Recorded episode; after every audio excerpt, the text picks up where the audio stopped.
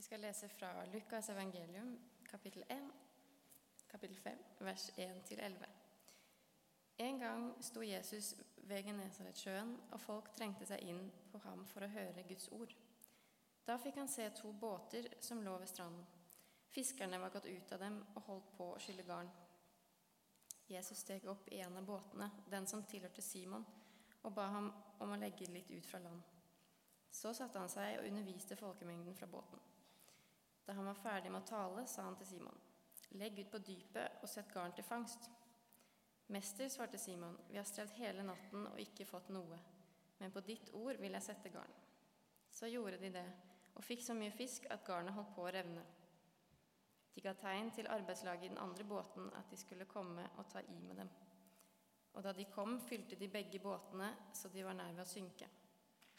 Da Simon Peter så det, kastet han seg ned for Jesu føtter og sa, Gå fra meg, Herre, for jeg er en syndig mann. For han og alle som var med ham, ble grepet av forferdelse over den fangsten de hadde fått. På samme måte var det for Sebedius-sønnene Jakob og Johannes, som fisket sammen med Simon. Men Jesus sa til Simon, Vær ikke redd, fra nå av skal du fange mennesker. Så rodde de båtene i land, forlot alt og fulgte ham.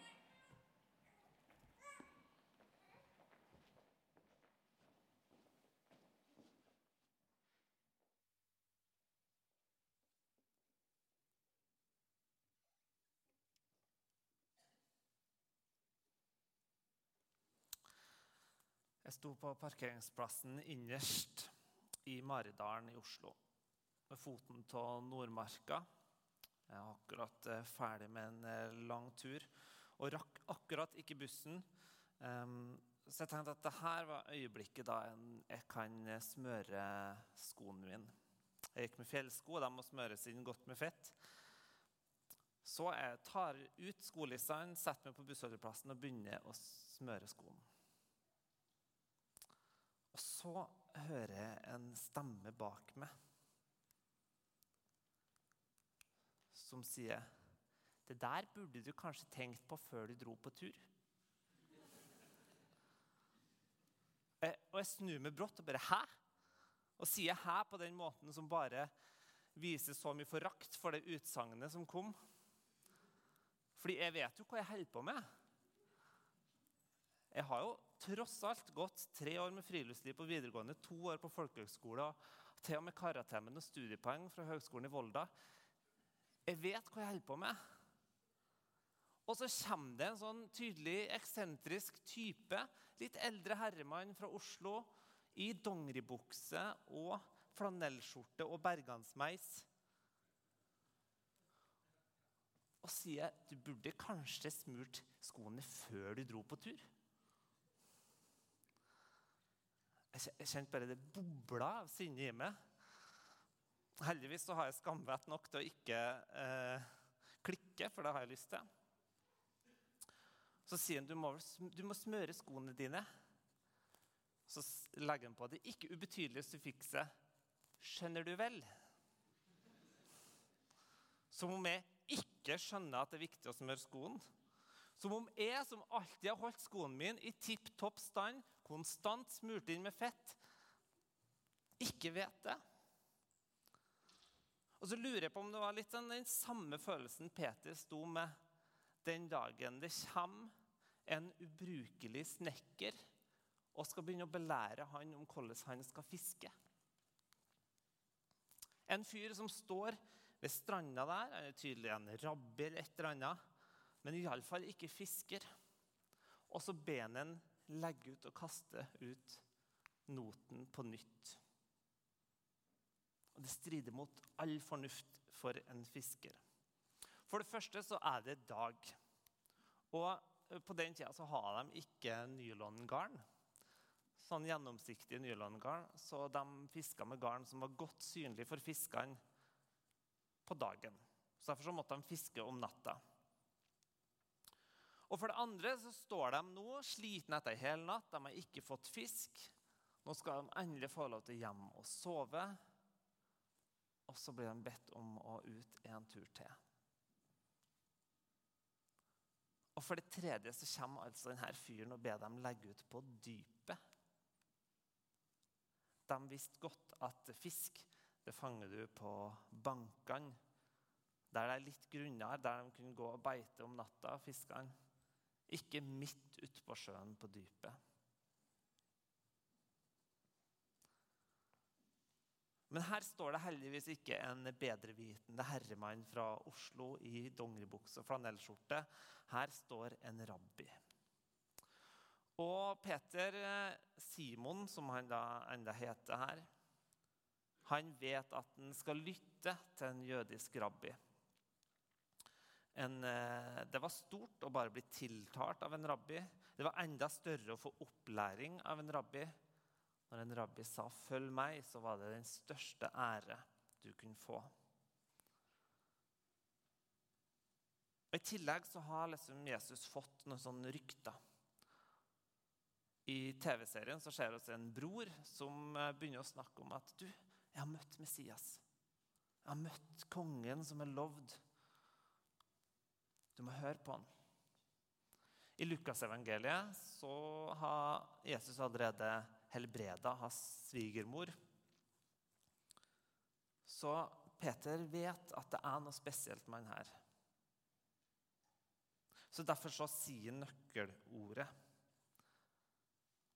Men på ditt ord, Herre, men på ditt ord skal jeg sette garn. Og Kanskje er det versa fra Jesaja 55 som klinger i bakhodet på Eh, Peter denne dagen. For mine tanker er ikke deres tanker, og deres veier er ikke mine veier, sier Herren. Som himmelen er høyt over jorden, slik er mine veier høyt over deres veier, og mine tanker høyt over deres tanker. For lik regn og snø som faller fra himmelen og ikke vender tilbake dit før de har vannet jorden, gjort den fruktbar og fått den til å spire, gitt såkorn til den som skal så, og brød til den som skal spise. Slik er det med mitt ord som går ut av min munn. Det vender ikke tomt tilbake til meg, men gjør det jeg vil, og fullfører det jeg sender det til. For mine tanker er ikke deres tanker. Mitt ord vender ikke tomt tilbake til meg, men gjør det jeg vil, og fullfører det jeg sender det til. For Peter han er jo vokst opp med en tro på Gud og vet at Guds tanker, Guds veier, er så mye bedre enn det han kan få til. De har alltid et lengre perspektiv. De har alltid kalkulert bedre enn han kan gjøre sjøl. Og så nevnes det noe om Guds ord. Det står at folk trengte seg inn på ham for å høre Guds ord, står det i Lukasevangeliet. Og når vi når vi hører Guds ord, så tenker vi gjerne fort på Bibelen. Eh, men det er noe enda større enn det. Guds ord det spiller tilbake til skapelsesberetninga, der Gud bare ved å uttale blir lys, skaper lys i mørket. Der Gud bare med å snakke skape orden i kaoset. Så det er et eller annet som skjer her om at det er et eller annet skapende som er i ferd med å skje. Så Peter han skjønner kanskje at her er det best å lytte. Så ser jeg for meg Peter, som jo vet best. På ditt ord skal jeg sette garn. Jeg ser ikke for meg at det liksom var fullt av sånn glede og begeistring. nødvendigvis. At han var liksom sånn Yes! Det her er følelsene mine med, fullt med på. Jeg ser for meg litt mer som at han gjør det litt som når jeg ble snudd på vei i trappa opp til rommet mitt for å spille dataspill etter middagen og bedt om å ta ut av oppvaskmaskina. Jeg gjorde det fordi jeg var lydig med, mot mamma og pappa. Men det var liksom sånn Ned med og så ut med den, og så oppi med glass. Og så jeg skal gjøre det her og inn og springe opp. Kanskje det var litt sånn Peter gjorde det. Han gjorde det han sa, men litt på trass, bare for å være lydig. Men på ditt ord. For det å lyde Gud Det er ikke å liksom ha alle følelsene sånn på plass, men det er å la Gud få være skapende. La Gud få ta seg av resultatet, og la seg sjøl bli en del av det. Høres enkelt ut, ikke sant? Eller kanskje ikke. Jeg vet ikke hvor du er i livet. Kanskje har du kommet hit. Du vet ikke om du tror på Gud, eller du vet ikke om du i det hele tatt kan forholde deg til dette her. Kanskje har du som Peter bare fått hørt et lite rykte om en fyr som folk sier er bra. Vet ikke helt. Og bare den tanken om å lyde hans ord høres fjern ut.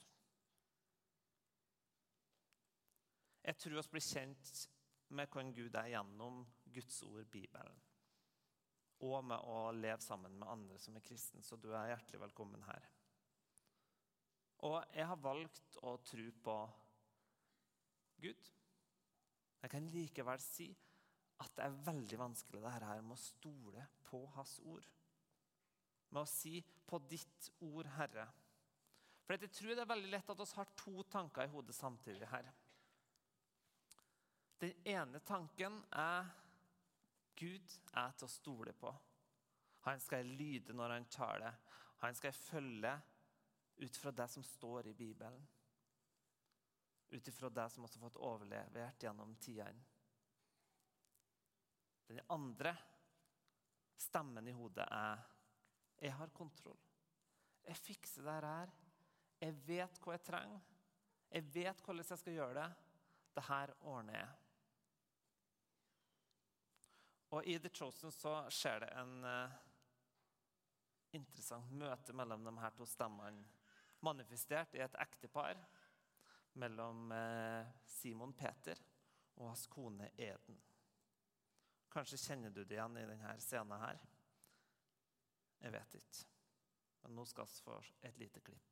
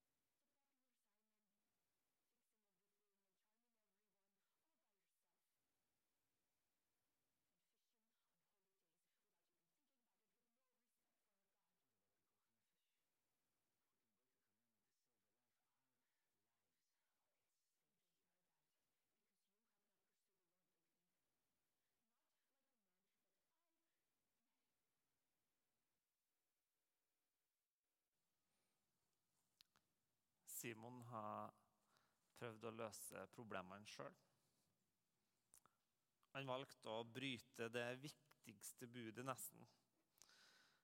Nemlig å fiske på sabbaten, jobbe på sabbaten. Høyst problematisk, og såpass at uh, hans kone reagerer. Simon har latt den andre stemmen vinne. Han kan kanskje si, Noen tenker kanskje at han lar tvilens stemme vinne. Men det er ikke tvilen som vinner. Tvilen den kan oss alle kjenne på. Den kan til og med hjelpe oss tettere Gud. Men det her er vantroens stemme. Og bare sier ordet vantro, så kan den rykke litt i stolen. Jeg kan si et annet ord òg. Dette er et uttrykk for. Det er synd. Rykke litt. Blir litt ukomfortabelt med å snakke om vantro og synd. Men som Johannes sier Johannes, eller Jesus sier i Johannes 16,9.: Synden er at de ikke tror på meg.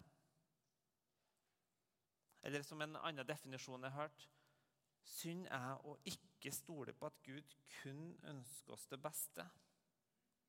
Å ikke stole på at Gud kun ønsker oss det beste. Så Simon Peter og alle oss andre òg velger så ofte de løsningene som oss ser. Som gjerne bryter med det oss tror på, som gjerne bryter med Guds vilje. Fordi at oss ser et resultat som oss vil ha, så gjør oss det oss tror skal til. Men tro er egentlig å overlate resultatet til Gud. Som jeg sa tidligere Det er å lyde Guds ord, det er å la Han få være skapende, la Han få ta seg av resultatet, og la seg sjøl bli en del av det.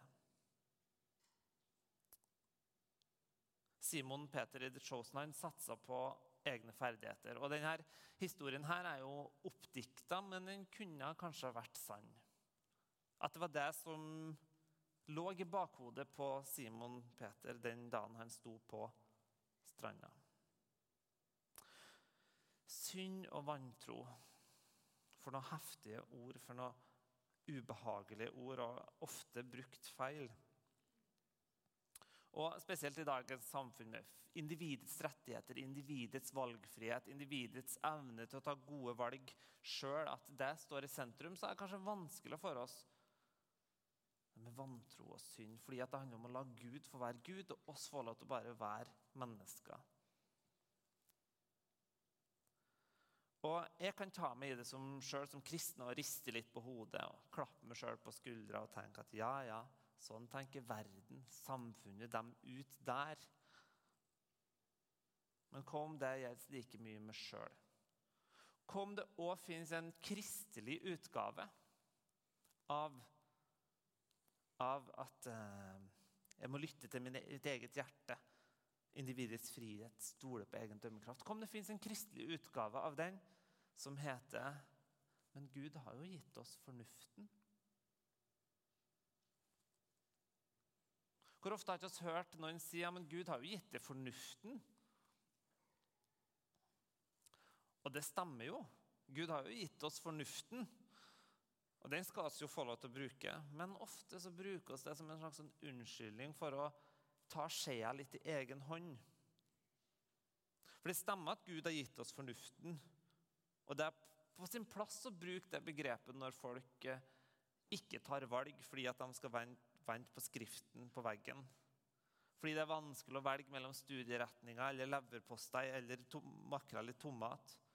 Og det, og det kan det strekke seg litt langt og si at jeg skal overlate alt til Gud. Gud skal ta alle valg for meg. Så går jeg inn på butikken og vet ikke hva jeg skal kjøpe. Og så får Gud lov til å bestemme det. Og jeg tror at Hvis jeg skulle liksom gått inn og sagt nå skal jeg lytte til Guds stemme, hva han vil at jeg skal gjøre på butikken, så har jeg kommet ut med et halvt kilo smågodt og en og en halv liter cola. For da blir det litt vanskelig å skille med fra Han. Men så er det derfor jeg har fått Bibelen. da. Guds ord. Og så finnes det tusen eksempler på områder i livet der oss så veldig gjerne tar skjea i egen hånd og ikke lar Gud få lov til å lede oss. Og Forrige søndag så talte Steinar om sabbat og hvile. Og Jeg tenkte at jeg skulle ta opp det igjen, for jeg tror det er viktig å minne oss sjøl om det igjen. Det er en grunn til at sabbatsbudet er det første sånn rent praktiske budet som står i de ti bud. Det står på tredje eller fjerdeplass, alt etter hvordan du regner det. Men det var absolutt et av de viktigste budene for en jøde. Det var det som kjennetegna Guds folk fra andre. Og så syns jeg jeg merka det. Ikke bare her, men i mange andre plasser som jeg møter folk nå, at folk er så sliten.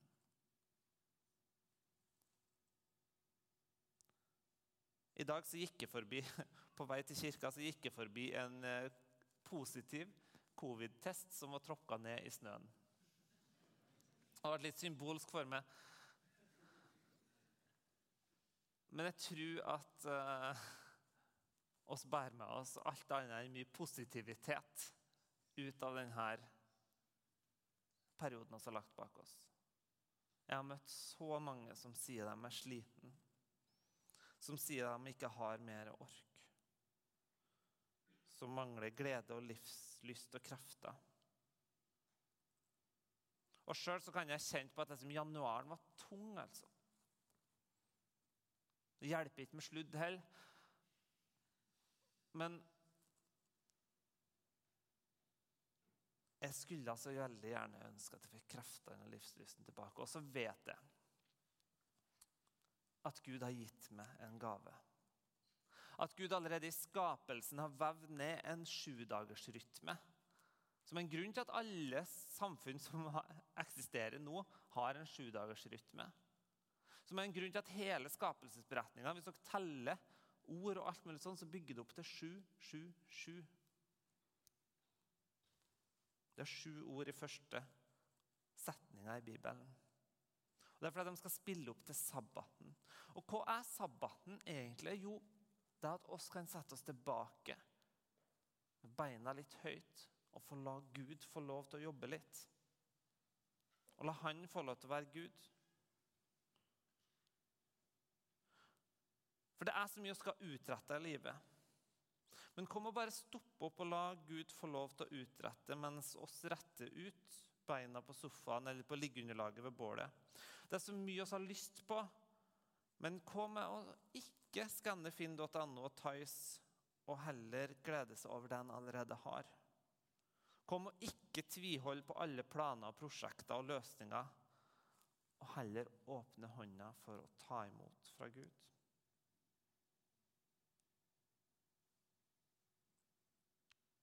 Jeg vil oppfordre dere til å fortsette samtalen med venner, familie, om sabbaten. Hvordan dere kan sette av en dag til å hvile. Hvordan dere kan hjelpe dere sjøl til å si nei til det som bare sliter dere ut. Og For noen så er det helt andre ting som dukker opp når jeg snakker om å stole på Gud. Å stole på at Gud bare ønsker oss det beste. Hvor det er du kjenner kampen står, det vet bare du hvor det er du nå blir minnet om at du har tatt din egen vei og ikke lytta til Gud. Det vet bare du. Og kanskje under responstida nå etterpå så vil du bli minnet om ting. At Gud prikker deg litt på skuldra og sier du, det der ikke godt for det. Ikke godt for andre. Ikke godt for skaperverket, og det er ikke godt for samfunnet. Men så vet jeg òg at oss alle sammen har de her tingene i livet. Noen gang mer, noen gang mindre. Treng, derfor trenger oss alle sammen Guds nåde.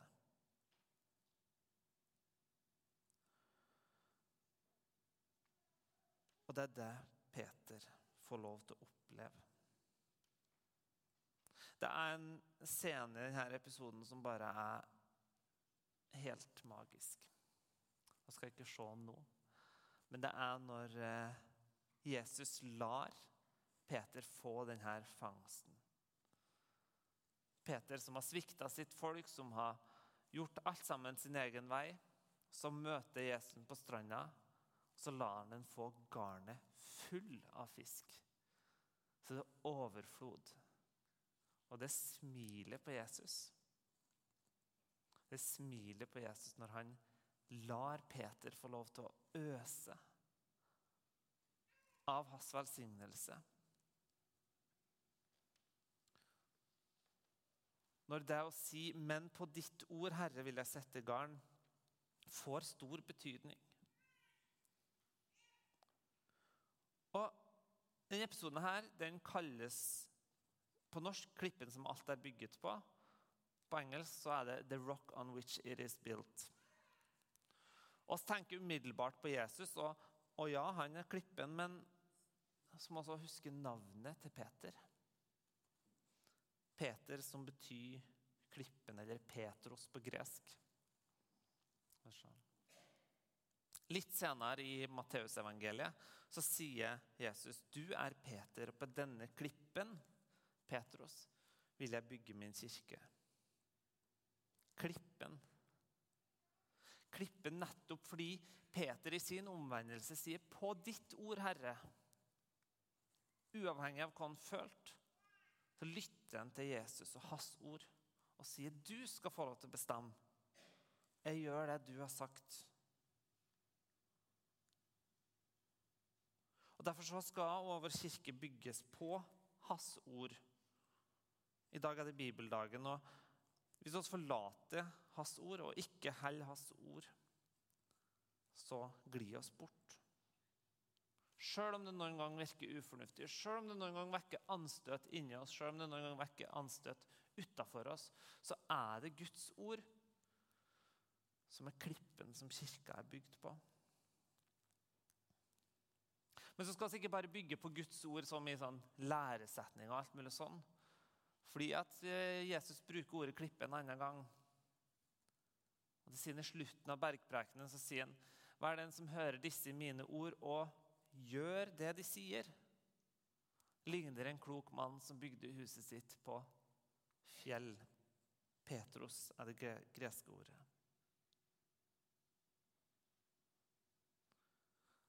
Når oss handler, så bygger oss livet vårt på fjell. Når oss handler på Hans ord.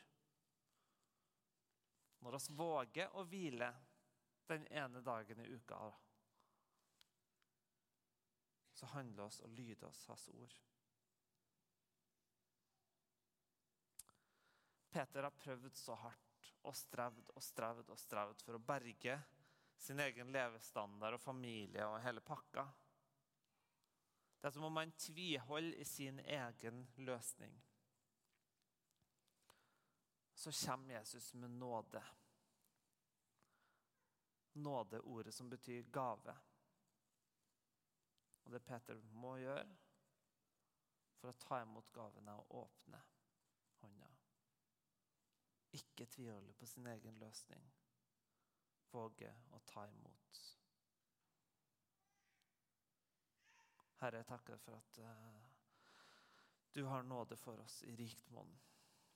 Takk for at oss kan få lov til å høste av dine velsignelser. Må du hjelpe oss til å lyde ditt ord. Hjelp oss til å la det få lov til å være Gud. Hjelp oss til å finne hvile.